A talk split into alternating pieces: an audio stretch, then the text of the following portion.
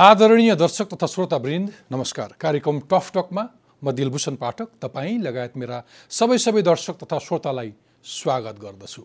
हिमालय टेलिभिजनमा हरेक बिहिबार साँझ नौ बजे प्रसारण हुने यो कार्यक्रम तपाईँ टफटकको आफ्नो युट्युब च्यानलमा टफटक प्रस्तुतकर्ता इन्टरफेस नेपालको web page interface Nepal dot com र हाम्रो पात्रो एपमा हेर्न तथा आइएस चलाउने श्रोताहरूले आइट्युन्स र एन्ड्रोइड चलाउने श्रोताहरूले नेपाली पडकास्टमा पनि टफटक सुन्न सक्नुहुनेछ। यो साता स्वास्थ्यमा खराबी आएपछि प्रधानमन्त्री केपी शर्मा ओली उपचारका लागि सिङ्गापुर जानुभएको छ। बाह्र वर्ष अघि मृगौला प्रत्यारोपण गर्नुभएका ओलीले यस पटकको उपचार खर्च भने आफैले बेहोर्नु हुनुभएको छ। गत फागुनमा तत्कालीन संस्कृति पर्यटन तथा नागरिक उड्डयन मन्त्री रविन्द्र अधिकारीको हेलिकप्टर दुर्घटनामा निधन भएपछि झन्डै छ महिनादेखि रिक्त रहेको संस्कृति पर्यटन तथा नागरिक उड्डयन मन्त्रीमा योगेश भट्टराई नियुक्त हुनुभएको छ। अब लागौँ आजको विषयतर्फ। संसद जनताबाट निर्वाचित भएर आउने जनप्रतिनिधिहरूको थलो हो जसको मुख्य काम कानुन बनाउने सरकार निर्माण गर्ने र सरकारमाथि निगरानी गर्ने हो। जब यो मूल कामबाट संसद चुक्न थाल्छ अनि यो गफ हो हल्ला र सत्ताको गल्फत्ती गर्ने थलोमा रूपान्तरित हुन्छ। नेपालमा दुई हजार पन्ध्र सालको पहिलो संसदको अभ्यास लामो समय चल्न पाएन।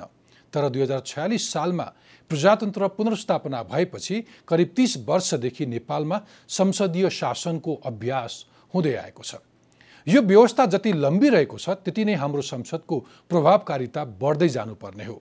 तर ठिक उल्टो भइरहेको भान हुन्छ। विगतका संसदभन्दा पछिल्ला संसदको प्रभावकारिता घट्न थालेको भान हुन्छ। संसदको ध्यान आफ्नो मुख्य काम कानुन निर्माण गर्ने भन्दा अन्यत्र छ। संसद सरकारको एउटा अङ्ग जस्तो बन्दै गइरहेको छ र सांसद उसको नियन्त्रणमा जो आफ्नो विचार र दृष्टिकोण राख्न समेत आँट गर्न सक्दैनन्। मूल मुद्दामा बहस हुन्न सहायक विषयमा सत्ता र प्रतिपक्षको गलफत्ती चल्छ। यसले गर्दा संसदको प्रभावकारिता घटिरहेको मात्र छैन संसदीय व्यवस्थाको सुन्दरतामाथि नै उपहास भइरहेको छ। नेपालको संसद किन प्रभावकारी हुन सकेको छैन? संसदमा कानुन बनाउने भन्दा अन्य कुरामा किन बढ्ता बहस हुन्छ? सांसद कानुन बनाउने व्यक्ति हुन् कि सडक बनाउने ठेकेदार? संसदमा स्वार्थी समूहको प्रवेश किन भइरहेको छ? त्यस्तै प्रश्नको जवाब खोज्न मसँग हुनुहुन्छ लामो समयदेखि संसदमा पटक पटक जनप्रतिनिधिको रूपमा भूमिका निर्वाह गरिराख्नुभएका संसदीय व्यवस्था र लोकतन्त्रमाथि निरन्तर चिन्तन गरिराख्ने काङ्ग्रेसका नेता तथा सांसद प्रदीप गिरी। आउनुहोस् स्वागत गरौँ। आजका मेरा अतिथि काङ्ग्रेसका नेता तथा सांसद प्रदीप गिरीलाई। प्रदीप गिरीजी टाफटकमा स्वागत छ। धन्यवाद। आरामै हुनुहुन्छ? आराम छु। संसदमै व्यस्त हुनुहुन्छ अथवा अरू चिन्तन मनन? व्यस्त त म दुइटै कुरोमा छैन ठिकै छ। व्यस्त छैन। आज हामी संसद र सांसदको बारेमा बढी छलफल गर्न प्रयास गर्छौँ। लामो समयदेखि तपाईँ संसदमा हुनुहुन्छ। त्यसमा पनि एउटा विद्वान पढे लेखेको मान्छे। तपाईँले पढेको लेखेको अथवा बुझेको सांसद र भोगेको संसदमा के फरक छ? हेर्नुहोस् एउटा कुरा नेपालका संसदका बारेमा र नेपालका सांसदका बारेमा।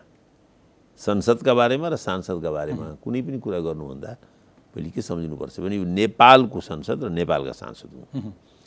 सामान्यतया संसद भन्दाखेरि हाम्रो दिमागमा एउटा बेलायतको युकेको पृष्ठभूमि छ जहाँ बाह्र झन्डै सात आठ सय वर्षदेखि कुनै न कुनै प्रकारको संसदको परम्परा थियो र अठारौँ शताब्दीपछि त कतिले परम्परा स्थापित भयो मतलब यहाँको संसदको बारेमा हामीले कुरा गर्दा कतिपटक विद्वानहरूले बुद्धिजीवीहरूले विशेषज्ञहरूले अन्याय गरे जस्तो लाग्छ मलाई। पहिलो कुरो यहाँका सांसदहरू सामान्यतः धेरै विद्वान छैनन्।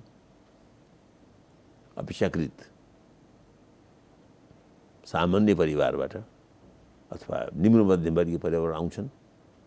स्मरण गर्नु होला सम्झिनु लागि बेलायतमा सबै लर्ड्सको फ्यामिलीबाट धेरै जसो आउँथे धेरै दिनसम्म। पछि गएर अलिक कमनर्स आयो थाले कमनर आउँदा पनि साधारण मान्छे आउँदै आउँदै हिँड्थे। तर फेरि यहाँको संसदको विशेषतालाई हामीले हेर्दाखेरि के यस्ता विशेषता पाउँछौँ? यो बेलायतमा अथवा भारतमा अथवा अन्य कुनै पनि देशमा छैनन्। खास गरेर विगत दस वर्षमा हामी यो गणतन्त्र घोषणापछि हामीले जुन पाएको संसद सांसद छौँ त्यसका कतिपय विशेषता छन्। जो बेलायतमा छैन अन्य देशमा पनि छैन। त्यसलाई छुट्याउँदा मलाई के लाग्छ भने आम जनताको मनोदशा चाहना उर्लदो आकाङ्क्षासँग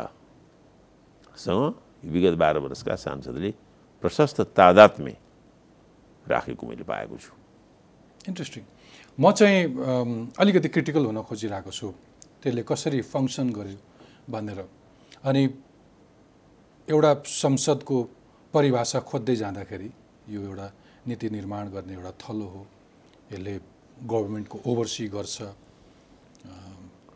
यसले निगरानी गर्छ भन्ने एउटा पक्ष त छँदै थियो तर काहीँ यस्तो पनि परिभाषा भेटेँ कि यो चाहिँ उल्लु वा कागहरूको बथान हो पनि भनेर काहीँ टिप्पणी गरेको पाएँ। त्यस्तो कुनै बेला आवाज भयो तपाईँलाई? म तपाईँलाई त्यहाँको घटनाक्रमहरूका बारेमा टिप्पणी गर्दा उल्लु र काग भन्दा पनि अप्रिय बदतर कुरा पनि भन्न सक्छु। अप्रिय र बद वर्स भन्छ नि बदत्तर भने मैले बदत्तर हिन्दीमा मैले बदत्तर भने भन्न सक्छु। त त्यसलाई हामीले बुझ्नुको लागि फेरि फेरि भन्दैछु म जस्तै तपाईँले भन्नुभयो कि संसद नीति निर्माणको थलो संसद कानुन बनाउने थलो यो जुन तपाईँका पूर्वाग्रह भन्ने शब्द त कडा होला। पूर्व मान्यता प्रिकन्सेप्सन छन् नि। तपाईँले बेलायती संसदबाट प्राप्त गर्नुभएको शिक्षाअनुसार वर्तमान संसदलाई तपाईँले हेर्नुभयो भने अरे त्यो उल्लु र कौबा त बडा सभ्य शब्द भयो तपाईँले बुवासो र चितुवाको बथान भने हुन्छ। हाउन्ड्स एन्ड उल्फ्स भने हुन्छ। हुन्छ। हाउन्ड्स भने हुन्छ भने मैले तपाईँलाई। साइजमा के ठुलो कुरो भएन। तर यहाँको संसद फेरि कुन कहाँ कसरी कुन परिवेशमा ठिक छ। नवनिर्माण भयो त्यो म चाहन्छु कि तपाईँले बुझेर आफ्ना दर्शकहरूलाई सहानुभूतिपूर्वक बुझाइदिनुहोस्। मेरो एउटा मात्रै इमान्दार उद्देश्य के हो भने त्यो संस्थाको गरिमा नघटोस्। त्यो संस्थाको गरिमा बढोस्। संसद र सांसदप्रति आम जनताको सम्मान बढोस् भन्ने आशय हो। र कहिले कहिले यसरी क्रिटिकल हुँदाखेरि त्यसले रिफ्लेक्ट गर्न सजिलो हुन्छ। अथवा कहिले कहिले नयाँ सोच पनि आउँछ। त्यस कारण एउटा विद्वानलाई बोलाएर मुलुकको संसद कस्तो छ सांसद कस्तो छ भनेर बुझ्ने प्रयत्न गरिरहेको छु। अझ अलिकति पछाडि गयो भने चाहिँ नेपालमै पनि कम्युनिस्ट विचारधारा राख्नेहरूले संसदलाई के को टाउको देखाएर के को मासु बेच्ने स्थान पनि भने अहिले भलै तिनै कम्युनिस्टहरू दुई तिहाईको बहुमतसहित त्यो संसदमा छन् अथवा सरकारमा छन्। अहिले कस अहिले के भन्छन् तिनीहरू? मैले बिल्कुलै यही यही कुरामा पुग्नलाई। नेपालको अहिलेको संसद व्यवस्था जसले करिब करिब जसमा उनीहरू सहभागी छन्। तिनीहरूलाई नै मध्यनजर राखेर मैले भनेको कि तपाईँले का काग र लाटो कसौरे मात्रै भन्नु पर्दैन अरू पनि भन्नलाई भने हुन्छ। तर तर भन्ने प्रश्न आउँछ यहाँ तर त्यो तरलाई अलिकति पृथक हटेर त्यही तरलाई सम्बोधन गर्छु बेलायतका संसदको बारेमा के भनिन्छ भने बेलायतका संसदमा सामान्यत चार थरीका मान्छे पुग्छन् जसरी तपाईँले आफ्नो व्यक्तित्वको बारेमा मलाई बताउनु भयो तपाईँ बिल्कुल दस एघार कक्षादेखि नै कता कता तपाईँको मनमा पत्रकार बन्छु पत्रकार रूपमा समाजको सेवा गर्छु देशको सेवा गर्छु अलिकति मेरो पनि त्यसबाट छवि बिम्ब लोकप्रियता पनि होला सोच्नुभएको थियो होला। केही मानिस किशोरावस्थादेखि नै राजनीतिका सपनाबाट प्रेरित हुन्छन्। अलिकति त्यहाँ ठुला उद्देश्य पनि होला नेपाललाई प्रजातन्त्र चाहन्छु भन्ने पनि होला। तर प्रजातन्त्र सँगसँगै म प्रधानमन्त्री बन्छु म सभामुख बन्छु म पार्टी सभापति बन्छु भन्ने चाहनाले नै हाम्रो पुस्ता। चाहे त्यो शेरबहादुरजी चाहे केपी ओली चाहे रामचन्द्र पौडेल बहुलांश अधिकांश सपनाबाट हिँड्ने मान्छे हुन्छन्। जीवनभरि एकपटक संसदमा पुग्ने अभिलाषा लिएको मान्छे किशोरावस्थादेखि नै सक्रिय हुन्छ। एक थरीका सांसद बिल्कुल। एक थरीका सांसदको त त्यस्तो त महत्त्वकाङ्क्षा हुँदैन। उनी कसैकी पत्नी हुन्छन् कसैका छोरा हुन्छन् कसैकी छोरी हुन्छन्। अब पतिको देहान्त हुन्छ। पतिको देहान्त भएपछि आउँदिन भन्दा पनि जबराउने राजनीतिमा तानिन्छन्। त्यस्ता थुप्रा उदाहरण तपाईँलाई नाम लिएर हाम्रो पार्टीमा नेकपा भन्न सक्छु। आएँ म मेरो बुवाले कम दुःख गरेको थिएन मेरो पतिले कम दुःख गरेको थिएन र यहाँ छु भन्छन्। अर्थ उनलाई थाहा छ उनी त्यहाँ किन पुगिन्। उहाँ त्यहाँ किन पुग्नुभयो? छोरा हो केसमा पनि उसो बाउ बाउको उत्तराधिकारी धेरै छोराले पाएका छन्। अब ज्योतिरादित्य सिन्धिया उनको बाउ थिए माधवराज सिन्धिया सचिन पायलट उनका बाउ थिए राजेश पायलट। यहाँ म नाम दिन चाहन्न यहाँ पनि पचास प्रयास छन् जो बाउका कारणले राजनीतिमा छन्। दोस्रो त्यस थरीका मान्छे हुन्छन् भनेर बेलायतका सांसदका जानकारहरूले टिप्पणी लेखेका छन्। अब त्यसरी आउँछन् संसदमा र उनीहरूलाई यो पनि थाहा छ उनीहरू किन आयो भन्ने। चार करोड दिएर आउँछन्। उदाहरणको लागि कोही जाति सन्तुलनले आउँछन्। तिनवटा श्रेणी हो चार करोड भने अचेल दाम पनि बढ्यो होला। चौथो तरिको थरीको बहुमत के हुन्छ भने त्यत्रो संसद आउँछन्। तर उनीहरू कहिले पनि थाहा पाउँदैन म संसदमा किन आएँ। म के गर्न आएँ। म किन आएँ हँ भनेर दे आर अलवेज लस्ट त्यसलाई संसदका जानकार विद्वानहरूले द लस्ट सिप भन्छन् एकजना आइभर जेनिङ्स भन्ने थिए जसलाई हाम्रो पन्ध्र सालको संविधान लेख्न पनि आमन्त्रित गरिएको थियो उनी संसदका ठुला विश्वज्ञ मानिन्छन् उनले आफ्नो संसद भन्ने पुस्तकमा चारवटा वर्गीकरण तिनवटा चारवटा वर्गीकरण गरेका छन् अलग अलग चरण। त्यसैले तपाईँले प्रश्न गर्दा बहुमत त्यसको हुन्छ संसद पुग्छन् नेता कृपा पात्र भएर म किन पुगेँ भने मलाई छक्क लाग्छ। बोल्दा पनि बढी बोल्दैनन् त्यसैले सांसद हुँदाखेरि तपाईँले एउटै कमन डिनोमिनेटर सबै सांसद राख्न सक्नुहुन्न। ओके तर अब बेलायतको सांसदमा जुन अघि तपाईँले सङ्केत गर्नु खोज्नु जसलाई हामी एउटा क्लासिक केस भन्न सक्छौँ एउटा हामी प्याराडिम मान्न सक्छौँ त्यो संसद त्यहाँबाट हो त्यो हिसाबले हामी कहाँ संसदीय व्यवस्था छैन। ओके म म म संसदको क्यारेक्टर्सको बारेमा अझै पछि आउँछु। अहिले अहिले चाहिँ म संसदमै अलिकति ध्यान दिन खोज्दैछु। अहिले त्यसो भए हाम्रा सांसदहरूको ध्यान अथवा एन्गेजमेन्ट केमा छ बढी? यो पनि यो पनि मलाई लाग्छ एकदमै। यी मान्छेहरूसँग त केही भूमिका छ? It's a very pertinent question मलाई लाग्छ एकदमै प्रासङ्गिक सवाल हो। र जुन संसदहरूको बारेमा जुन एउटा देशमा कता कता लज्जाजनक अपमानजनक धारणा छ म स्वीकार गर्छु छ। त्यसलाई तपाईँको यस प्रश्नलाई ठिकले हामीले बुझ्ने उत्तर दिने हो भने त्यो बुझ्न सक्छौँ हामी। के भएको छ भने यो धेरैचोटि भनिएको छ धेरै ठाउँमा भनिएको छ। भन्दैले त बेलायतमा पनि भनेका छन् त भारतमा त बार बार भनेको छन् यहाँ पनि भनेका छन्। There is no legislature there is only executive भनेर इन्डियाको बारेमा भनिन्छ खास गरिकन जवाहरलालको पालासम्म there was legislature as well as executive Jawaharlal नेहरूको पालामा। र जवाहरलाल नेहरूले बेलायतमा पढेर लेखेर त्यहाँको पार्लिमेन्टबाट एकदम प्रेरित भएर भारतमा पार्लिमेन्ट सिस्टम ल्याउनै पर्छ भनेर प्रयास गरेर ल्याउँदा त्यति बेलाका बेलायतका प्रधानमन्त्रीहरूले भूतपूर्व प्रधानमन्त्रीहरूले बालबाला प्रधानमन्त्री समितिले पनि द देन इङ्ल्यान्डको प्रधानमन्त्रीले लेखेका लेखेको छन्। के गरे होला उहाँहरूले अचम्मको काम? बेलायतमा भएको पार्लिमेन्ट इङ्ल्यान्डमा कसरी इन्डियामा चल्न सक्छ भनेर। आर रिटन रेकर्ड्स र जवाहरलालजीले he did is best that the parliament functions properly in India पहिलो शर्त यसको के हुन्छ भने प्रधानमन्त्री संसदमा बढीभन्दा बढी बस्न सक्नुपर्छ। सांसदहरूसँग संवाद गर्न सक्नुपर्छ। सांसदहरूको जवाब सवालमा रमाउनुपर्छ। अझ अप्पर हाउसको हेड गर्ने उपराष्ट्रपति उपराष्ट्रपति नै छ त्यहाँ इन्टेलेक्चुअल्सहरू एक्सपर्ट्सहरू हुन्छन्। बस। र जवाहरलालजीले त्यहाँ प्रखर विरोधीहरू संसदमा आउनुपर्छ भनेर तिनीहरूको चुनाव हस्तक्षेप गरेर आफ्नो पार्टीमा हल्ला गरे आफ्नो पार्टीमा गरे। तर उनी त्यसपछि उनको छोरी आइन्। छोरीलाई संसद भन्नु चाहिँ डर लाग्थ्यो। हाम्रो वर्तमान प्रधानमन्त्री भन्दा पनि डर लाग्थ्यो। त्यसपछि जो जो जो आउँदै गए सबैले के भयो भने संसदको गरिमा हुँदा हुँदै गए। त्यो डराउने संसदमा डराउने चाहिँ सरकार चाहिँ सत्ता पक्षको हो। संसद चाहिँ विपक्षीको हो। धारणा त्यो होइन? त्यसकारण संसदमा आउनको लागि चाहिँ सरकारको खुट्टा काम छ त्यस्तै भन्दै हुनुहुन्छ। अब यसमा त्यो पनि त्यो पहिलो एउटा समस्या के छ भने संसदमा तपाईँ एउटा यो संसदलाई यो संसदको कटुभन्दा कटु आलोचकले पनि म फेरि कुन फेरि आइम सरी ठिक छ। म त्यो बेलायतको कुरा गर्न पुग्छु किन? ठिक छ। बेलायतमा बेलायतको संसदलाई जीवन्त बनाउने जुन पात्रहरू हुन् त्यहाँ डिजराले अनि यो सबभन्दा ठुलो तर आजको दिनमा त रेफरेन्स सोभियत युनियनको त्यो डमी त्यो स्ट्याम्प रबर स्ट्याम्प जस्तो। पार्लियामेन्ट हो।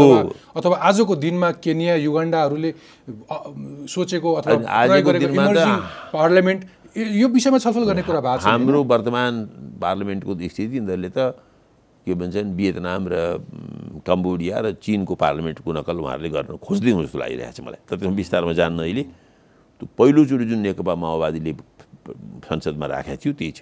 त्यही त हौँ अब के छ भने संसदको सबभन्दा ठुलो कुरा के हो भने it is a very vibrant body त्यहाँ हाँसी मजाक पनि हुन्छ भनसुन पनि हुन्छ कहासुनी पनि हुन्छ।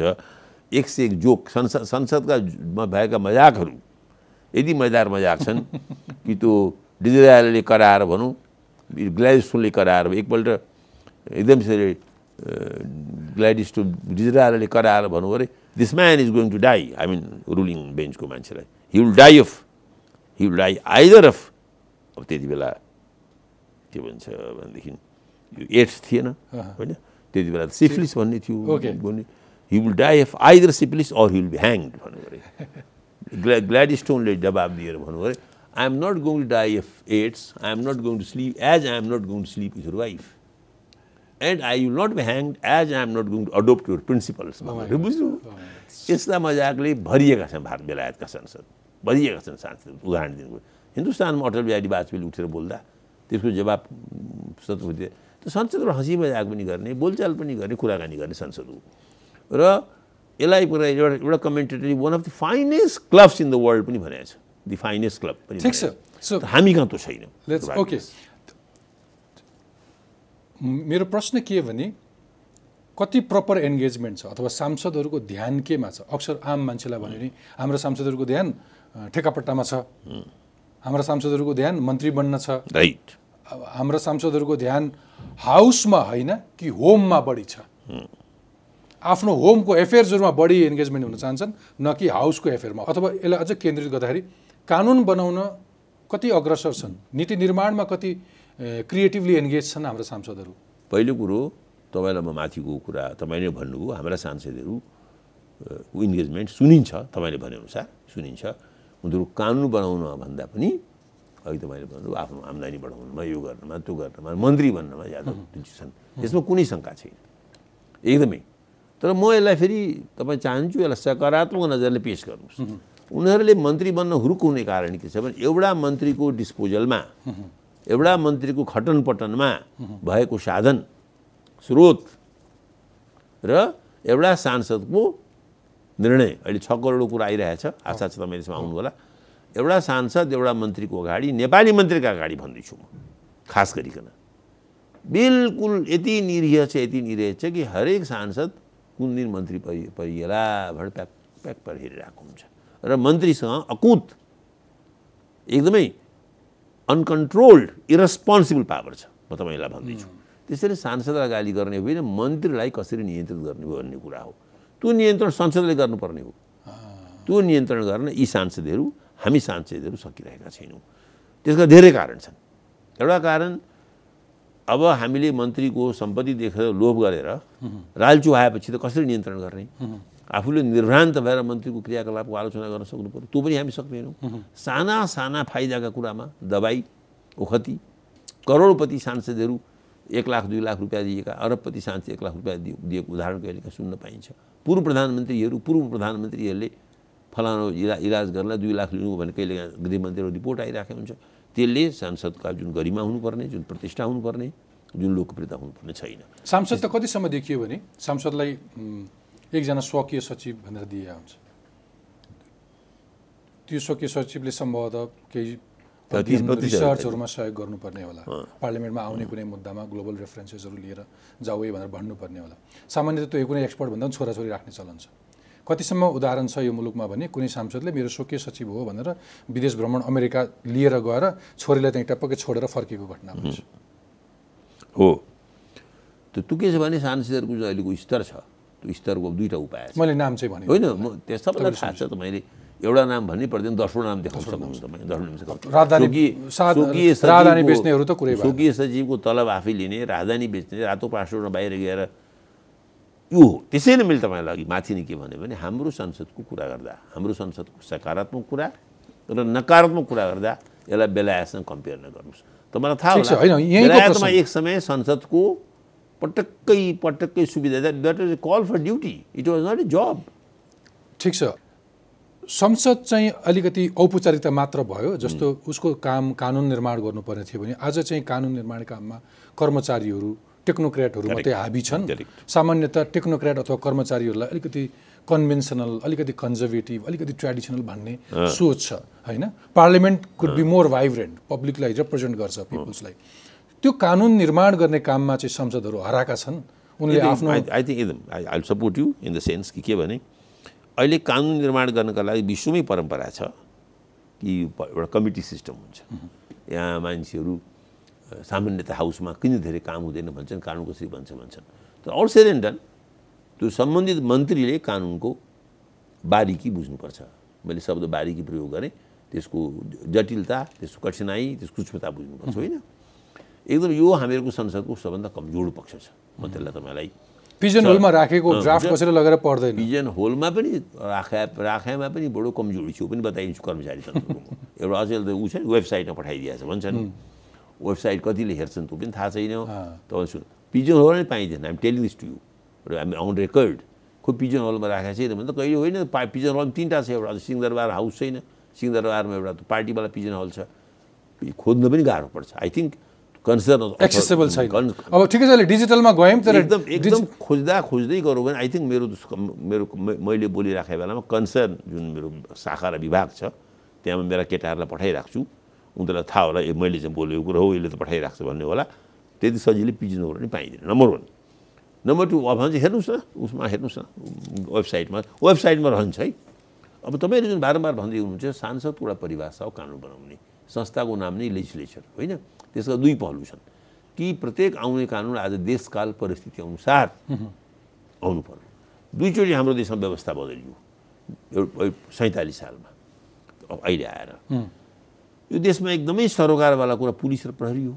र पुलिस र प्रहरीको बारेमा तपाईँलाई के भन्छु भने जुन परिस्थितिमा पुलिस र प्रहरीको गठन भयो नि आजभन्दा डेढ सय दुई सय वर्ष पहिले अब त्यो लामो इतिहास छ पहिले बेलायतमा भयो फेरि इङ्ल्यान्डमा भयो नेपालमा भयो हामीहरूको पहिलो प्रहरी ऐन दुई हजार बाह्र प्रहरी ऐन हो।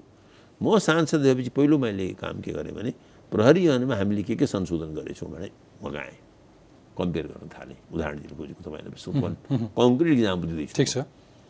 दुई हजार बाह्रको प्रहरी ऐन र आजको प्रहरी ऐन हेर्नुहोस् तपाईँ। व्यवस्था कहाँबाट कहाँ गइसक्यो? पुरानै अवस्थामा छौँ। त्यसमा पुलिसले प्रयास गर्नेछ भनेको कुरामा विशेष प्रयास गर्ने हाले हुन्छ। पुलिसको जुन लोकस अफ अथोरिटी हो पावर लोकस अफ पावर हो त्यसमा कसैले बदल्नै चाहँदैन। अब कतिसम्म तपाईँको संसद अथवा तपाईँ सांसद भएरै तपाईँको संसद भने मैले समग्र हामी सबैको संसद। हाम्रो संसद अथवा हाम्रा सांसदहरूको अवस्था के छ भन्ने एउटा दृष्टान्त। दुवै संसदबाट पारित भएको राजधानी विधेयक राष्ट्रपति कहाँ पुगेपछि गल्ती भेटियो। योभन्दा लज्जास्पद कुनै स्थिति छ? म स्वीकार गर्छु। बल्कि म अझ विनम्रतापूर्वक अगाडि बसेर स्वीकार गर्छु। म मात्रै होइन म जस्ता धेरै तथाकथित पढे लेखाहरूले पनि आफ्नो भूमिका गर्न सकेका छैन भूमिका किन गर्न सकिरहेका छैन फेरि म तपाईँ उल्टाएर भन्छु। भूमिका किन गर्न सकिरहेका छैन भने संसदको गरिमा संसदको स्वायत्ततालाई एक त एक्जिक्युटिभले खर्लप्पै खाएको छ। तपाईँ साझै तपाईँ नेपालमा भन्न सक्नुहुन्छ there is no legislature in Nepal there is only executive भन्न सक्नुहुन्छ। त्यसैले तपाईँले सांसदलाई दोष देखाउनुको सट्टा संसदमा बनेका कानुन तपाईँको कुनै कुनै कानुनको अध्ययन गर्नुभयो कुनै संशोधन गर्नुभयो कुनै संशोधन स्वीकार गर्नुभयो अरू त अरू बजेट बजेट हामीहरूको राष्ट्रिय छलफलको चर्चा छ त्यो पनि कानुन हो। बजेटमा अहिलेसम्म संशोधन ल्याएर छलफलबाट एउटा सानो सिन्का मात्र पनि ओपन बजेट भन्ने आन्दोलन छ दुनियाँभरिमा एउटा यो बजेटमा पार्लियामेन्टमा बहस भएपछि केही त परिवर्तन हुनु पऱ्यो भनेको तपाईँ यो भन्दै हुनुहुन्छ कि संसद सम्पूर्ण रूपमा सरकारको छायामा छ कार्यकारिणीको। र उसले यसरी डोमिनेट गरेको छ कि सांसदले आफ्नो विचार अथवा आफ्नो चिन्तन आफ्नो धारणा राख्न पाएको छैन। विचार चिन्तनको कुरा छोड्नुहोस्। उत्साह नै छैन उसमा। कहिले मन्त्री होला भन्ने मात्रै बाँकी छ। अनि के सभामुखलाई हात बाँधेर राखेको छ? मुखमा पट्टी लगाइदिएछ अब यसको कुरा। अब ल्याउनु सभामुखको नभए संसद त सभामुखले चलाउने हो नि. संसद त तपाईँहरूले चलाउने हो नि। सरकारले चलाउने होइन यो मलाई लाग्छ अहिलेको सरकार कसरी छिर्यो संसदमा? आउँदैछु म। यो कस्तो पर्टिनेन्ट कुरा गर्नुभयो तपाईँले कस्तो प्रासङ्गिक कुरा गर्नुभयो? मलाई आशा छ सभामुखीहरूको कानमा पनि कुरा पुर्ला। हाम्रो संविधानमा साफ लेखा छ। एउटा त लेखा छ कि सभामुख र उपसभामुखमा एउटा महिला हुनेछन्। अर्को लेखा छ सभामुख र उप- उपसभामुख एउटै पार्टीका हुने छैन। बडो स्पष्ट क्लोज लेखा छ। र त्यो पनि लेखा छ कहिले काहीँ यदि सांसदमा चुनाव भएर उपसभामुख भयो भने ऊ चुनाव भएको छ। हाम्रो पार्टीका तर्फबाट माननीय पुष्पा भूषाल लड्नु भएको छ। तुम्बा हम्पीको वर्तमान पार्टी एकीकरण एक वर्ष मतलब सभामुखको अर्को परम्परा के छ भने विश्वमा सभामुख कहिले पनि पार्टीको नेतृत्वदायी व्यक्ति हुँदैन तपाईँले लामो इतिहास हेरे हुन्छ सभ्य देशमा किटेर भनिएको छ लेखिएको छ संसदीय साहित्यमा भर्सक दलकै हुन हुँदैन त्यहाँभन्दा पनि दलमा अग्रपन्थीमा भएको व्यक्ति त्यहाँको लडाइँ झगडामा सामेल भएको व्यक्ति हुनै हुँदैन ओके अझैलाई पोइन्टमै अलिक हामीसँग समय म यो भएर धेरै सानो। कुरा किन भन्न चाहन्छु भने हाम्रो पार्टीले गलत एउटा परम्परा सुरु गर्यो नेपाली कङ्ग्रेसले। यस यस आधारमा। दमन ढुङ्गाना आइडियल सभामुख हुनुहुन्थ्यो। रामचन्द्र पौडेलजीले पार्टीको सदस्यता पनि छोड्न मानी। केन्द्रीय समिति पनि छोड्न मानी। सभामुख बस्नुभयो। अहिले पछि प्रधानमन्त्रीको उम्मेदवारी दिइरहनु। दिइरहनु त्यो त लोभ छँदैछ। हो यता यता हाम्रो यो महाराजी नेकपा माओवादीको एकदम अग्रपङ्क्तिका चर्का नेता हुनुहुन्छ। यस्ता मान्छेले सभामुख चलाउँदैन भन्ने कुरा संसारभरि परम्परा छ ओके गल्ती तपाईँहरूले त्यो बेलामा गर्नुभयो जब रामचन्द्र तपाईँको उदारतापूर्वक आफ्नो गल्ती स्वीकार तपाईँको पार्टीले रामचन्द्र पौडेललाई पार्टीको आफ्नो सदस्यता लगायत अरू परित्याग नगरिकन संसदमा सभामुख बनाएर पठाउनु भयो त्यहाँबाट परिपाटी गलत स्वीकार छ मलाई। र अहिले एउटा कार्यकर्ता सभामुखको सिटमा बसेर। संसद चलाउँदाखेरि त्यसको स्वाभाविक सरकारको छाया पर्न गयो भन्दै हुनुहुन्छ कस्तो दुर्भाग्य अनि मुलुकमा बन्ने कानुनहरूमा तपाईँहरू विधायक जो कानुन नीति निर्माता भनेर जानुहुन्छ संसदहरू संसदमा तपाईँहरू कानुन बनाउनुहुन्न कुनै टेक्नोक्रेटले बनाएको कानुन सरकारले लिएर आउँछ अनि तपाईँहरूले प्रश्न गरेपछि अनि त्यो पास नभइकन थन्किन्छ। ब्युरोक्र्याट। त्यसो भए अब मैले मलाई त के लाग्थ्यो भने तपाईँहरू पनि एन्गेज हुनुहुन्छ। त्यस पछाडि मैले तपाईँलाई के प्रश्न गर्न खोजेको थिएँ भने कानुन त जनताका लागि हो अथवा जनतालाई परिधिमा ल्याउनलाई हो उसको पनि एन्गेजमेन्ट चाहिन्छ। उसले पनि आफ्नो सजिलो अप्ठ्याराहरू भन्छ। टाउन हल मिटिङ्सहरू गर्नुपर्छ होला। जनतासँग सरोकार र नागरिक सिटिजनको इन्गेजमेन्ट पनि चाहिन्छ नि। नागरिकको भूमिका पनि चाहिन्छ। त्यो त त्यसो भए गौण छ शून्य छ। जस्तो गुठी विधेयक तिनै नागरिकसँग छलफल गरे भए सडकमा आन्दोलन गरेर फिर्ता गर्नु पर्दैन थियो। सञ्चार सूचनावाला विधेयक अब दुई तिनवटा विधेयक आइसक्यो नि बिजोगमा यसपल्ट योभन्दा पहिले आयो त्यो सञ्चार काउन्सिल सम्बन्धी पनि। बिल्कुल। संसदको भूमिका चाहिँ के हो भने बढीभन्दा बढी जनतालाई उनीहरूका सामने रहेका समस्या। खानेपानी सिँचाइ ट्याक्स गुठी जस्ता कुराहरूलाई अवेर गराउने र एडुकेट गर्ने। उनीहरूलाई यसको अगाडि पछाडि चाहिँ एक्ज्याक्टली त्यसमा संसद अहिले मलाई लाग्छ कि उनीहरूको इम्पुट उनीहरूको अब मेरो प्रश्न। के हो तर तपाईँले यति यसरी भाग्न त पाइँदैन प्रदीप गिरिजी यसरी उम्किन त पाउनुहुन्न। तपाईँहरूको अर्को गल्ती म देखाउँछु नि। त्यो गल्ती के हो भने संसदमा कानुन निर्माण गर्दै गर्दाखेरि तपाईँहरू दुवैजना जिम्मेवार हुनुहुन्छ। सत्ता पक्ष पनि जिम्मेवार छ प्रतिपक्ष पनि उम्मेदवार जिम्मेवार छ। यो यी दुवैको महत्त्वपूर्ण भूमिका रहन्छ। तपाईँहरूले बदमासी कहाँ गर्नुहुन्छ भने तपाईँहरूको आफ्नो स्वार्थ मिल्यो भने छाप लाएर पठाइदिनुहुन्छ। सरकारवालालाई पनि सोध्नुहुन्न नागरिकलाई पनि वास्ता गर्नुहुन्न होइन? त्यस्तो कति धेरै केसहरू हुन्छ। प्रतिपक्ष र सरकार मिलेर पहिलो कुरा तपाईँले के बुझ्नु। भने अहिले यो अर्को कुरा भन्नुभयो। प्रश्न यो कानुन र त्यो कानुनको छैन। अहिले त मलाई साँच्चै भन्नु छ भने यसपल्टको सदनमा अनेकन केसमा प्रतिपक्षले सरकारलाई सङ्ख्या प्रतिपक्षको थोरै हुँदाहुँदै पनि प्रतिपक्षसँग असाध्यै गतिला सांसदको अभाव हुँदाहुँदै पनि प्रति यति सानो सङ्ख्यामा पनि प्रतिपक्षले प्रशस्त सरकारलाई राखराख पारेको छ जो उसको कर्तव्य हो र जो उसको धर्म हो। याद राख्नु जिना मसिना कुरामा कि साँच्चै सिरियस कुरामा? सिरियस कुरामा पनि कुरा गरिरहेको छ। अब यसमा मलाई अखबारी कुराहरू थाहा छ विवाद थाहा छ अलग अलग दृष्टिकोण भन्छन् मान्छेले। तर त्यसमा तफसिल तर कङ्क्रिट लाग्दैन। त तफसिलमा नजाउँ कुरो अहिले के छ भने दुई तिनवटा कुरा कि तर जुन तदारुकताका साथ हामीले संसदमा पेस हुनुपर्ने हो हाम्रो सङ्ख्याका बावजुद त्यो धेरै कारणले हामीले गर्न सकेका छैनौँ त्यो स्वीकार गर्छु। त्यो कहाँ आउँछ भने हाम्रो व्यवस्था हाम्रो व्यवस्था भन्नाले नेपाली व्यवस्था नेपाली संसद व्यवस्था जहाँ कि अहिले यो संसदका उप पनि पार्टीको आवश्यकताभन्दा बढी नियन्त्रण छ। यो तथाकथित के के विधेयक भन्छ अरे त्यसलाई दल बदलु विधेयकबाट। दल बदलु विधेयकले के सम्बोधन गर्छ भने संसारभरिको कुरा हो। फेरि म नेपालको चाहिँ कुरा बुझिरहेको छुइनँ संसदको दोहोरो जिम्मेदारी छ। एउटा समाजप्रति देशप्रति आफ्ना मतदाताप्रति अर्को पार्टीप्रति। जहिले पनि सांसदलाई बाध्य कसले गराउँछ? पार्टीको हुइपले। अथवा नेताको आदेशले। जुन नेताले अरूको उपर टिकट देला भन्ने उसको आस्था छ। त्यसैले तपाईँले चाहिँ सङ्केत गर्दै हुनुहुन्छ। र सङ्केत गरेर तपाईँले मलाई कतिपय ठोस प्रश्न गर्नुभयो भने मलाई निरत्व निरुत्तर पनि बनाउन सक्नुहुन्छ।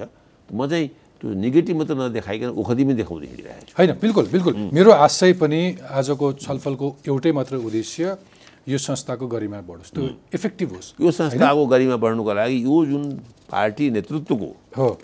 पार्टी अध्यक्ष अझ उनीहरूको एउटा नभएर दुईवटा अध्यक्ष छ। पार्टी अध्यक्षको पार्टी सभापतिको संसद दलको नेताको बिल्कुल। संसदमाथि कति नियन्त्रण हुनुपर्ने त्यसमाथि पुनर्विचार हुनु बिल्कुल। अझ म त के भन्छु भने जस्तो एउटा पार्लियामेन्ट इफेक्टिभ होस् गभर्मेन्ट अकाउन्टेबल होस् जुडिसियरी इन्डिपेन्डेन्ट होस् त्यही त हो नि हामी जनताले चाहना गर्ने। अहिले। संसदमा सरकारको पनि र प्रतिपक्षको पनि अन्य कसैको भन्दा पनि नेता र केन्द्र नेतृत्वको ज्यादा दबाब छ। कुनसम्म दबाब छ भने हुइपको नहुमा सुन्नुहोस् हुइपको खराबी। आज क्षमा चाहन्छु उदाहरणको लागि अहिले सत्ता पक्षले विधेयक ल्यायो अरे एउटा कानुन ल्याउनु खोज्नु अरे।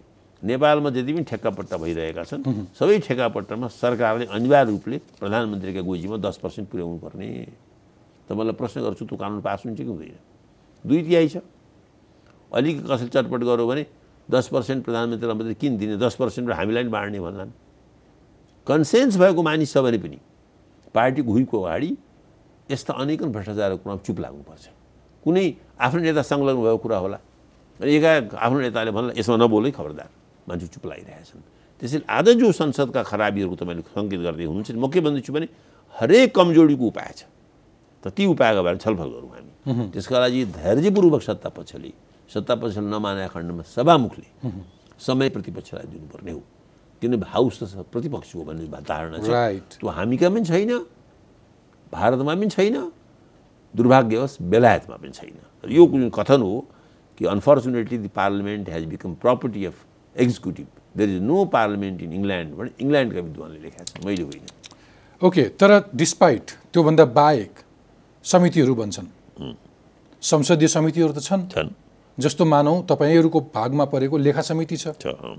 तर त्यसले के काम गरेको छ त म तपाईँलाई भन्छु जस्तो बल्ल बल्ल लेखा समितिले एउटा ठुलो वाइट बडी जहाजको घोटालाको विषयमा प्रवेश गरेको थियो अलिअलि हल्ला गर्यो अनि आफ्ना पार्टी सभापति शेरबहादुर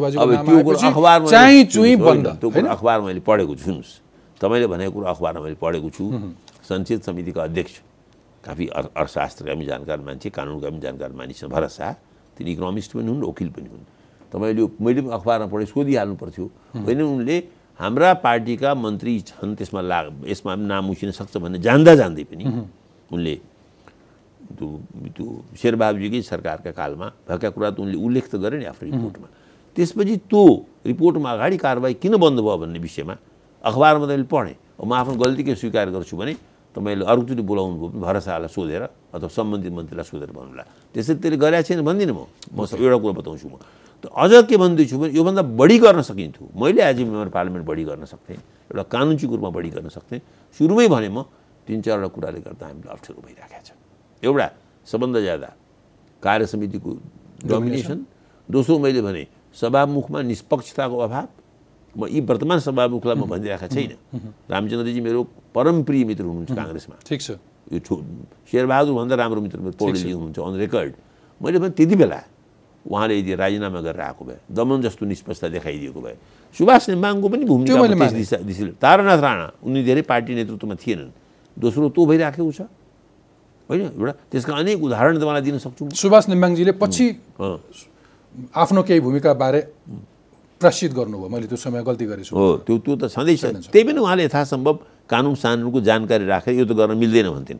यदि तपाईँले मलाई सोध्नुहुन्छ भने तपाईँले देखेको उहाँ सांसदमध्ये सबभन्दा प्रभावशाली को सोध्नुहुन्छ? भन्नुहोस्। तपाईँलाई सुनेर आश्चर्य लाग्यो मेरो नाम। वनसरी घरती भन्ने थिइन् नि एकजना सभामुख। तिनलाई मात्रै देखेँ मैले आफ्ना नेता प्रचण्ड र हाम्रा नेता शेरबहादुरजी। तत्कालीन प्रधानमन्त्री र भाइ प्रधानमन्त्रीसँग मेरो सामने तिनले राय बजाएकी छन्। यो कसरी मिल्छ भनेर? यो यो प्रधान न्यायाधीश सुशीला कार्कीको महाभियोगको सिलसिलामा होइन भनेदेखि सभामुख प्रधानमन्त्रीको कमजोर छाया भएको हुनाले पनि संसद कमजोर भएको छ नै तर मेरो प्रश्न के थियो त्यस बाहेक जति समितिहरू भन्छन् संसदीय समितिहरू तिनले त केही गृह कार्य तिनले त केही केही केही निष्कर्ष लिएर आउन सक्थे समितिका जो जस्तो अहिले नै हेऱ्यो भने व्यथिति जहाँ पनि छ दिनौँ अनियमितता छ ठुल्ठुला परियोजनाहरू रोकिरहेका छन् समितिहरू छन् नि विकास समितिहरू। अघिल्लो पटकको विकास समितिमा स्वर्गीय रविन्द्रजी निकै एक्टिभ भए जस्तो लाग्थ्यो कर्णालीको बाटोहरू सुचारू गर्नुभयो तलतिरका परियोजनाहरूलाई अल्टिमेटम दिनुभयो ठेकदारहरूलाई क्वेसन गर्नुभयो भनेको संसदीय समितिहरू पनि त त्यत्तिकै भाइब्रेन्ट हुन्छ। पार्लियामेन्ट जस्तै हो। संसदीय समिति त मिनी पार्लियामेन्ट हुँदै हो दि पार्लियामेन्ट हो। संसदीय समितिले पारित गरेको कुरो पार्लियामेन्टले नै पारित गरेको मानिन्छ। र त्यहाँ बडो कायदाले सबै विषय अध्ययन होला। उदाहरणको लागि संसदमा एउटा जेनरल सिद्धान्तको कुरा भयो भने त्यहाँभित्र गएर क्लज बाई क्लज उनीहरूले कुरा गर्लान् भन्ने। मान्छेको मान्यता छ. होइन?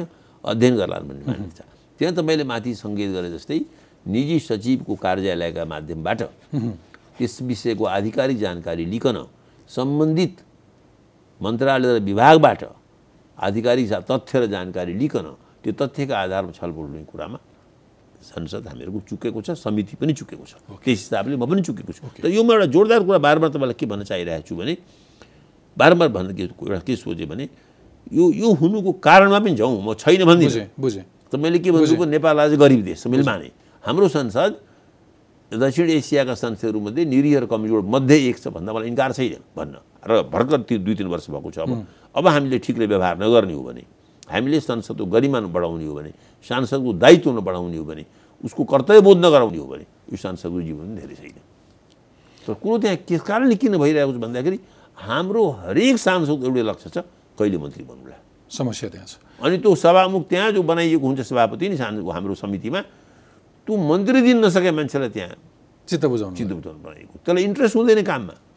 अनि समितिको प्रभावकारिता चाहिँ कुन अवस्थामा बढ्छ? त्यसलाई एफिसियन्ट बनाउनु। जस्तो अब अहिले पछिल्लो समय के भनिन्छ भने स्वार्थ समूहहरूको पनि प्रवेश हुन थाल्यो। तपाईँहरूलाई कुनै एजेन्डाहरूमा लबिङ गर्न कतिको आयो प्रदीपजी त्यो पनि मलाई भनिदिनु होला तर मेरो प्रश्न के भने जस्तो स्कुल सञ्चालकलाई शिक्षा समिति ब्याङ्क सञ्चालकलाई अर्थ समिति होइन? यसरी एउटा कुनै व्यवसाय गरिरहेको मान्छेलाई संसदीय समितिमा राख्दाखेरि त्यसले कति न्युट्रल निर्णय गर्छ अथवा त्यसले कति मुलुकको हितको लागि सोध्छ? कि उही हाउसमा बसेर होमको काम गरिरहेको? होइन एकदम होइन हाउस अफिस होमको। म अहिले नेपालको हकमा ठिक यस्तै उदाहरण पनि दिन सकिन सक्दिनँ अखबारहरूमा आइरहेका छन् कसरी ब्याङ्कका अध्यक्षहरू ब्याङ्क कानुन रुचि राखेका छन् स्कुलका अध्यक्ष मालिकहरू स्कुलमा त्यो प्रश्न तपाईँले। संसदमा उठाउन सक्नुहुन्छ नि? पत्रिका पछार्छन् नि होइन सांसदले। पार्लियामेन्टमा यस्ता घटनाहरूलाई त भारतका सभामुख सोमनाथ चटर्जीले पक्रेर सातवटा आठवटा अँठ्याएर डिस्क्वालिफाई गरेका छन् सांसदहरूलाई इन्डियाको घटना मान्दैछु म तर अर्को कुरा फेरि म तपाईँलाई के भन्न चाहन्छु भने सिकाको अर्को पाटो के हो भने त राजनीति चाहिँ स्वास्थ्यकै स्वार्थकै सङ्घर्ष हो है हेभ नो डिफिकल्टी त्यसको डिग्री होला। तपाईँ जस्तो हो त्यस तपाईँले एकदम आइडियलिजम भएर पत्रकारितामा आउनु होला ठिक छ त्यस्तो आइडियस पोलिटिक्समा पनि हुन्छन् पोलिटिक्समा पोलिटिक्स किन चलाए हुन्छ भने सर्टेन आइडियलिस्ट कुनै पनि किमतमा आफ्नो जमिर आफ्नो आत्मा आफ्नो विश्वासमा नढक्ने मान्छे हरेक आन्दोलन हरेक पार्टीमा हुन्छन् हुन्छन् त्यही नै हुन्छ त्यसको प्राण तत्त्व र अन्तमा ठुलो मुभमेन्ट चलाएको हुन्छ त्यसैले संसदमा अब यो कुरालाई पनि केसँग जोड्छु भने यिनीहरूको प्रभुत्वलाई म चुनाव खर्चासित चुनाव खर्च यति महँगो भएको छ। एब्सोल्युटली त्यहाँ जाउँ. मैले संक्षेपमा तपाईँलाई पाठकजी के भन्नु खोजिरहेको छु? जस्तो सवाल तपाईँ मलाई गर्दै म आउँदै थिएँ। यो सवालमा हामीले सायद पाँच सात दिन तपाईँले मुहानको कुरामा जानु कुरा गर्नुपर्छ। एक्ज्याक्टली त्यसरी आज यो संसदलाई सुधार्ने कुरा निर्वाचन सँग involves number of other LID issues so निर्वाचनको खर्च एउटा कारक छ। जब निर्वाचन प्रक्रियामा सही सांसद हामी छान्न सक्दैनौँ राम्रो संसद बन्दैन। र जब राम्रो संसद बन्दैन सरकार राम्रो बन्न सक्दैन। एक्ज्याक्टली मैले राम्रोसँग एकदम ठिक भन्नुभयो तपाईँले। एकदम ठिक भन्नुभयो। अहिले हामीहरूको निर्वाचन प्रक्रियाले न सिद्धान्त न विचारधारा। ओके। न इमान्दारी रहन दिएको छ। यो दुर- म नेपाललाई मात्रै भन्दिनँ म। ओके। अब अहिले हेर्नु नेपालमा सानो जोस र जाँगरले आएका थिए। यी कमरेडहरू ल हाम्रो पुरानो परिसको बिपी कोरला र भट्टराईको पालो पुरानो कुरो हामी सुविधाबुद्धि भयौँ। यो प्रचण्ड र यो यो यिनीहरू त ठुलो जोसले हात जानमा हत्केला राखेर लडेका हुन्। यिनी नलडे पनि तलका त लड्या अनन्त त लड्या हो। बलदेव त लड्या हो। प्रचण्ड दिल्ली भए पनि। तर अब संसदीय व्यवस्थाको कस्तो विकृति देखिराखिएको छ भने त्यो लुला भन्ने ठुलो नाम कमाएको थियो नि ब्राजिलमा। अन्त करप्सन थुन्नु पऱ्यो नि। यो वर्तमान संसदीय व्यवस्थालाई त भ्रष्टाचार बिना चलाउनै सकिँदैन जस्तो अन्तर्राष्ट्रिय छवि भइरहेछ घटी घटनाक्रम भइरहेछ देखा परिराखेको छ। यो तपाईँलाई मेरो मुखबाट सुन्दा आश्चर्य लाग्ला। तर तपाईँलाई कुरो थाहा छ कि छैन? म संसदीय व्यवस्था कटु आलोक छु आलोक गर्न थाहा छ कुरा। आजै सुन्दै हुनुहुन्छ। धेरै। हो कटु आलोक छु। बरु मार्क्स र लेनिनले छोड्लान् तर गान्धी र जयप्रकाश नारायणको साहित्य पढाए मान्छेले संसदलाई आदर्श मान्नै सक्दैन। यो चुनाव प्रणालीले जुन सांसद पठाउँछ ती सांसदले जुन खर्चा गर्छन् जसरी उनीहरू हाउसमा पुगे हुन्छ तिनीहरू आफ्ना संसदका नेताका हातमा बन्दी हुन्छन्। रहर सहर कस कसर दल बदल बिलले गरिदिएको छ। अहिले जे पार्टीले प्रस्ताव ल्याउँछ कि तपाईँमा आत्मबल हुनु पर्यो ल मलाई जे गर्न गर भन्नु पऱ्यो त्यो हुइप्ट्याइदिनु भन्नु पऱ्यो होइन भने फ्लो फ्लोमा मिसिनु पऱ्यो बुझ्नु पऱ्यो त्यही स्थिति छ अहिले। त्यस यो संसदीय व्यवस्थाको राम्रो पक्ष होइन। र फ्लोमा मिसिने भनेको त्यो एउटा मरेको माछा जस्तै बस त्यही छ हामी जनप्रतिनिधि भन्छौँ एउटा सांसदलाई। जनतासँग कति जोडिएको हुन्छ एउटा सांसद? जनतासँग जोडिने चाहिँ सामान्य त सांसद बाध्य भएर जोडिराखेको हुन्छ बाध्य। अघि मैले हाउसबाट होममा केन्द्रित छ भने पनि जनतासँग जोडिएको हुँदैन नि होम त तपाईँले उसको व्यक्तिगत हो। काठमाडौँमा चाँडैभन्दा चाँडै भर्तक चारनामा घर होइन भन्ने फ्ल्याट बनाउने कुरा सङ्केत गर्नुभयो। यस कुरामा मान्नुपर्छ कि यता जनता? यी तमाम कमी उतार चढाव तलमाथिका बावजुद काफी जागरुक भएका छन् र र्याखर्याख्ती पार्छन् सांसद पार्छन्। यसमा कुनै छ तर के का लागि पार्छन् सरुवा बढुवा प्रमोसन व्यक्तिगत काम छोराको नोकरी। म बडा लज्जित साथमा भन्छु कि ठुल्ठुला issue political issue social issue त आउँदै आउँदैन हाम्रो जिल्लामा दलितको ठुलो समस्या छ। दलितको बारेमा तपाईँ के गर्दै हुनुहुन्छ भन्दैनन् कम उमेरमा केटीहरूको बिहा हुन्छ छोरीहरूको बिहा हुन्छ बिहाको उमेर सरकारले तोक्या छ एउटा कानुनी उमेर त्योभन्दा बढी छोरी हुन्छ दहेज प्रथा त्यस्तै ऱ्याम्पेन्ट छ। यसमा हामी मिलेर कुरा गरौँ न भन्दा कोही चासो राख्दैन। मेरो हजुरले ठुली छोरीको नोकरी गराइदिनु सानीको कहिले गराउने भनेर आउँछन्। त म त्यस्तै छ अवस्था हामीहरूका त्यसको फेरि अर्को डाइमेन्सन छ। यो देशमा यो समाजमा जुन सभ्यताका नाउँमा विकासका नाउँमा उन्नतिका नाउँमा जुन एउटा भ्रान्त धारणा ल्याइएको छ नि उन्नति भनेको चाहिँ फलाउनु हो। तपाईँले भन्नुभयो नि बाल्यकालमा मलाई फलाउनु थोक काम गर्न मन थियो भनेको ठुलो गाडी चढ्नु हो मर्सिडिज। चिटिक्क परेको अत्यन्त महँगो घडी। ब्रान्ड पनि मास ओमेगा झ्याराडो लगाउनु हो चाहे यस्तो उसमा हिँड्नुपर्ने हो। भने यस्तो भ्रान्त धारणाले नेपाली नागरिक ग्रस्त छन् कि त्यो पनि फेरि संसदको भ्रष्टाचारसँग जोडिएको छ। होइन भने चाहिँ मलाई सोध्नुहुन्छ भने कि आज नेपाली सांसद एकदम निरीह र दयनीय अवस्थामा छ। अलिकति उसको पनि गल्ती होला। उसको जीवनशैली उसको खानपिन उसको पैसाप्रतिको लोभ र सामान्य भुइँचालोमा बाँड्दाखेरिको त्रिपाल पनि लिँदा लाइनमा बस्ने त्यो पनि होला। सामान्य पाँच हजारको रोगमा इलाजको लागि पैसा माग्न जाने त्यो पनि रोग होला। त अर्कोतिर संसदलाई जति हामीले साधन सम्पन्न विद्या सम्पन्न विनय सम्पन्न गराउनु पर्ने हो त्यसको उचित अवसर र प्रशिक्षण पनि हामीसँग छैन।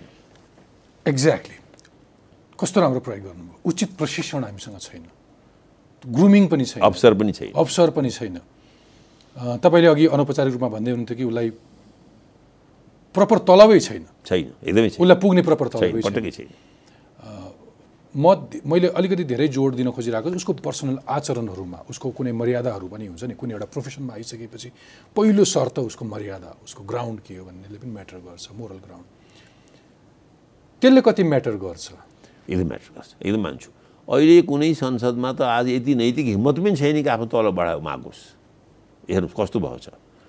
मैले तिमीहरूको यदि सेवा गरेको छु मेरा कारणले फलाना इस्यु समाजमा आयो फलानु कुरा तिमीहरूले उपलब्ध गर्यौ मलाई यतिले कहाँ पुग्छ? ए तँलाई बढी चाहिने भनेर जुत्ता चप्पल गर्ला भन्ने अवस्था छ। एकदम मैले त्यो पीडा गतिलो किसिमले भोगेको छु म आफ्ना साथीहरूको मुखबाट भोगेको छु साथीहरूले भनेको सुनेको छु। यस्तो विडम्बना छ म तपाईँलाई के भनौँ दिलभूषणजी? म तपाईँलाई बताउँदा पनि लाज लागेर होइन तलब पनि माग्दा हुन्थ्यो होला। जब त्यति बेला जब उनले पार्लियामेन्टमा त्यो मञ्चलाई प्रयोग गरेर जनताको पक्षमा वकालत गरेर तपाईँलाई पनि गुनासो गर्छन् धेरै मान्छेले। प्रदीपजी मोटा मोटा आदर्शको कुरा गर्नुहुन्छ सैद्धान्तिक मोरल्सहरूको कुरा त गर्नुहुन्छ। तर प्र्याक्टिकली उहाँले संसदलाई कति धेरै कन्ट्रिब्युट गर्नुभएको छ अथवा त्यो प्लेटफर्मलाई कति क्रिएटिभली युज गर्नुभएको त्यो पनि म्याटर गर्छ गर्छ भनेर भन्छन्। तपाईँ जस्ता अरू आदर्श कोही बोक्ने मान्छेहरू होलान् अथवा यसरी कुरा गर्ने मान्छेहरूले त्यो प्लेटफर्म प्रयोग गर्न पाएका छन्? होइन होइन।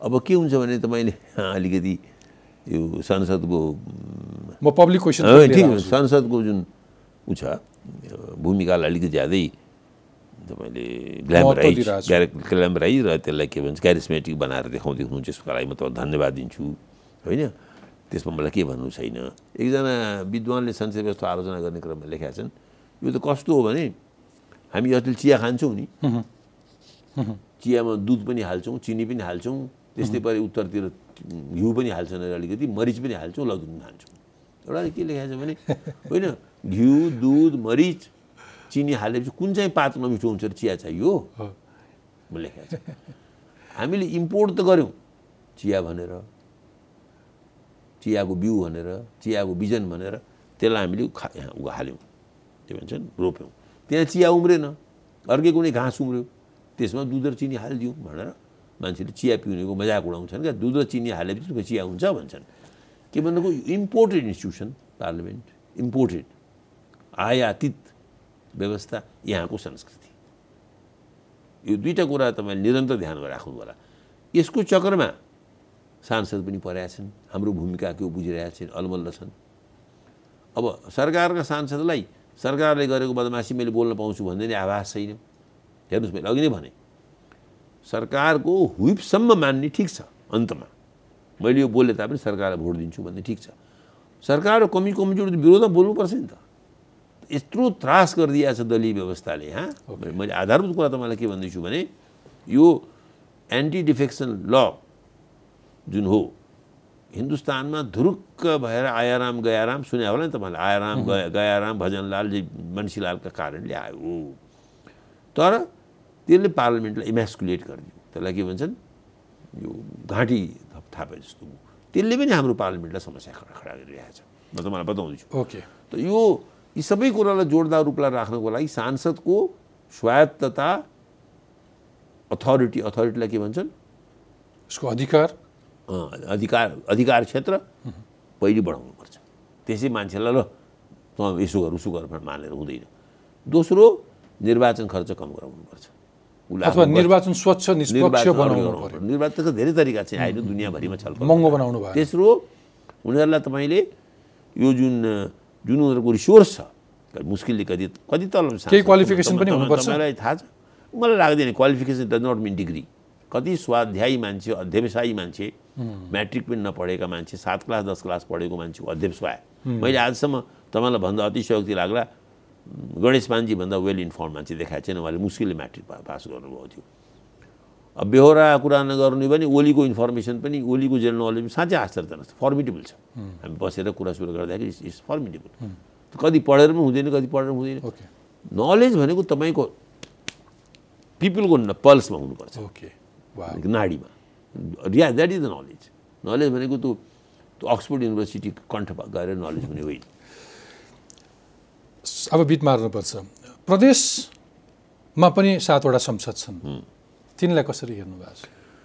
त्यो कति? प्रदेशको जुन मैले त्यसमा यसको बारेमा तपाईँलाई भन्नु पऱ्यो कि म दुई नम्बर प्रदेश बाहेक बाँकीका बारेमा धेरै मलाई त्यसको दैनिक गतिविधिको जानकारी छैन। भले ती दुई- सबै अँ, चिज सरकारको अँ, कन्ट्रोल। दुई अब दुई नम्बर अन्तको त्योभन्दा पनि प्रदेश जस्तै महत्त्वपूर्ण यदि तपाईँले हेर्नुहुन्छ भने तल गाउँ विकासको जुन घटक छ यद्यपि त्यहाँ संस्कृति प्रणाली पुरो गरिएको छैन अच्छा that reminds me something very interesting पाठकजी। हामीहरूको तल्लो घटक छ नि हजुर। त्यो गाउँ विकासवाला घटक नगरपालिकाबाट घटक त्यसलाई हामीले संसदीय बनाएको छैनौँ। त्यहाँ अविश्वास प्रस्ताव आउँदैन। त्यहाँ एकपल्ट निर्वाचित भएपछि तपाईँ साढे चार वर्ष पाँच वर्ष ढुक्क बस्नुहुन्छ। त्यो अमेरिकन सिस्टम हामीले जानी जानी कपी गरेको छ त्यहाँ। सायद त्यो एक्जिक्युटिभ अधिकार होस् भनेर।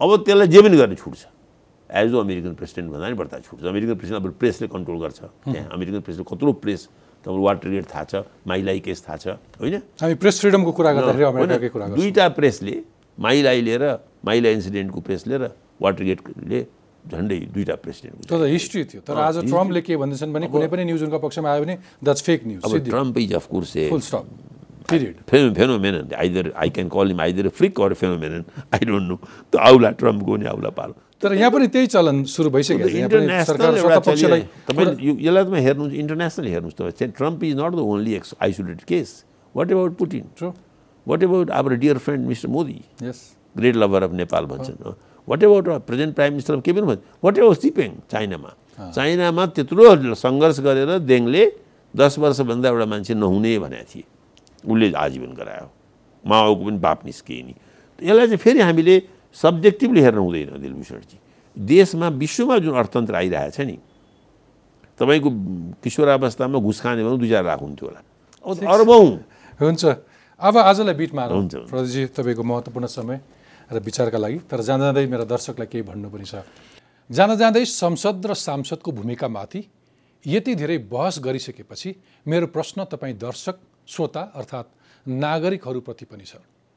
हामी सरकारले यो गरेन वा त्यो गरेन भनेर गुनासो मात्र गर्छौँ। तर हामी आफैले चुनेर पठाएका प्रतिनिधिले चाहिँ के गरिरहेका छन् कहिले प्रश्न गरेका छौँ अथवा औँला ठडाएका छौँ जसरी सरकारको निगरानी संसदले गर्छ त्यसरी नै तपाईँ हामीले भोट दिएर पठाएका प्रत्येक जनप्रतिनिधिको निगरानी तपाईँ हामीले नै गर्नुपर्छ। हामीले दिएको भोट कुनै व्यक्तिलाई कुनै पदमा पुर्याउनका लागि मात्र होइन। उनीहरू आफ्ना मतदाताप्रति जवाबदेही हुनुपर्छ कि पर्दैन? आजैबाट हामी हाम्रा जनप्रतिनिधिहरूको गतिविधिको निगरानी गरौँ। उनीहरूलाई प्रश्न गरौँ। कार्यक्रमका बारेमा तपाईँको प्रतिक्रियाको प्रतीक्षा गर्नेछु। धन्यवाद। आज. पाठकजीले यस्ता यस्तो गम्भीर विषयमा यस्ता ठिकै प्रश्न भयो दाइ। उठाउनु भएको छ नि ती सब प्रश्नलाई सम्बोधन गर्न हामीले तपाईँको दर्शन नातिदेखि पाँच छ घन्टा कुरा। मैले यिनलाई भन्छु समग्रमा हेर्नु एक्ज्याक्टली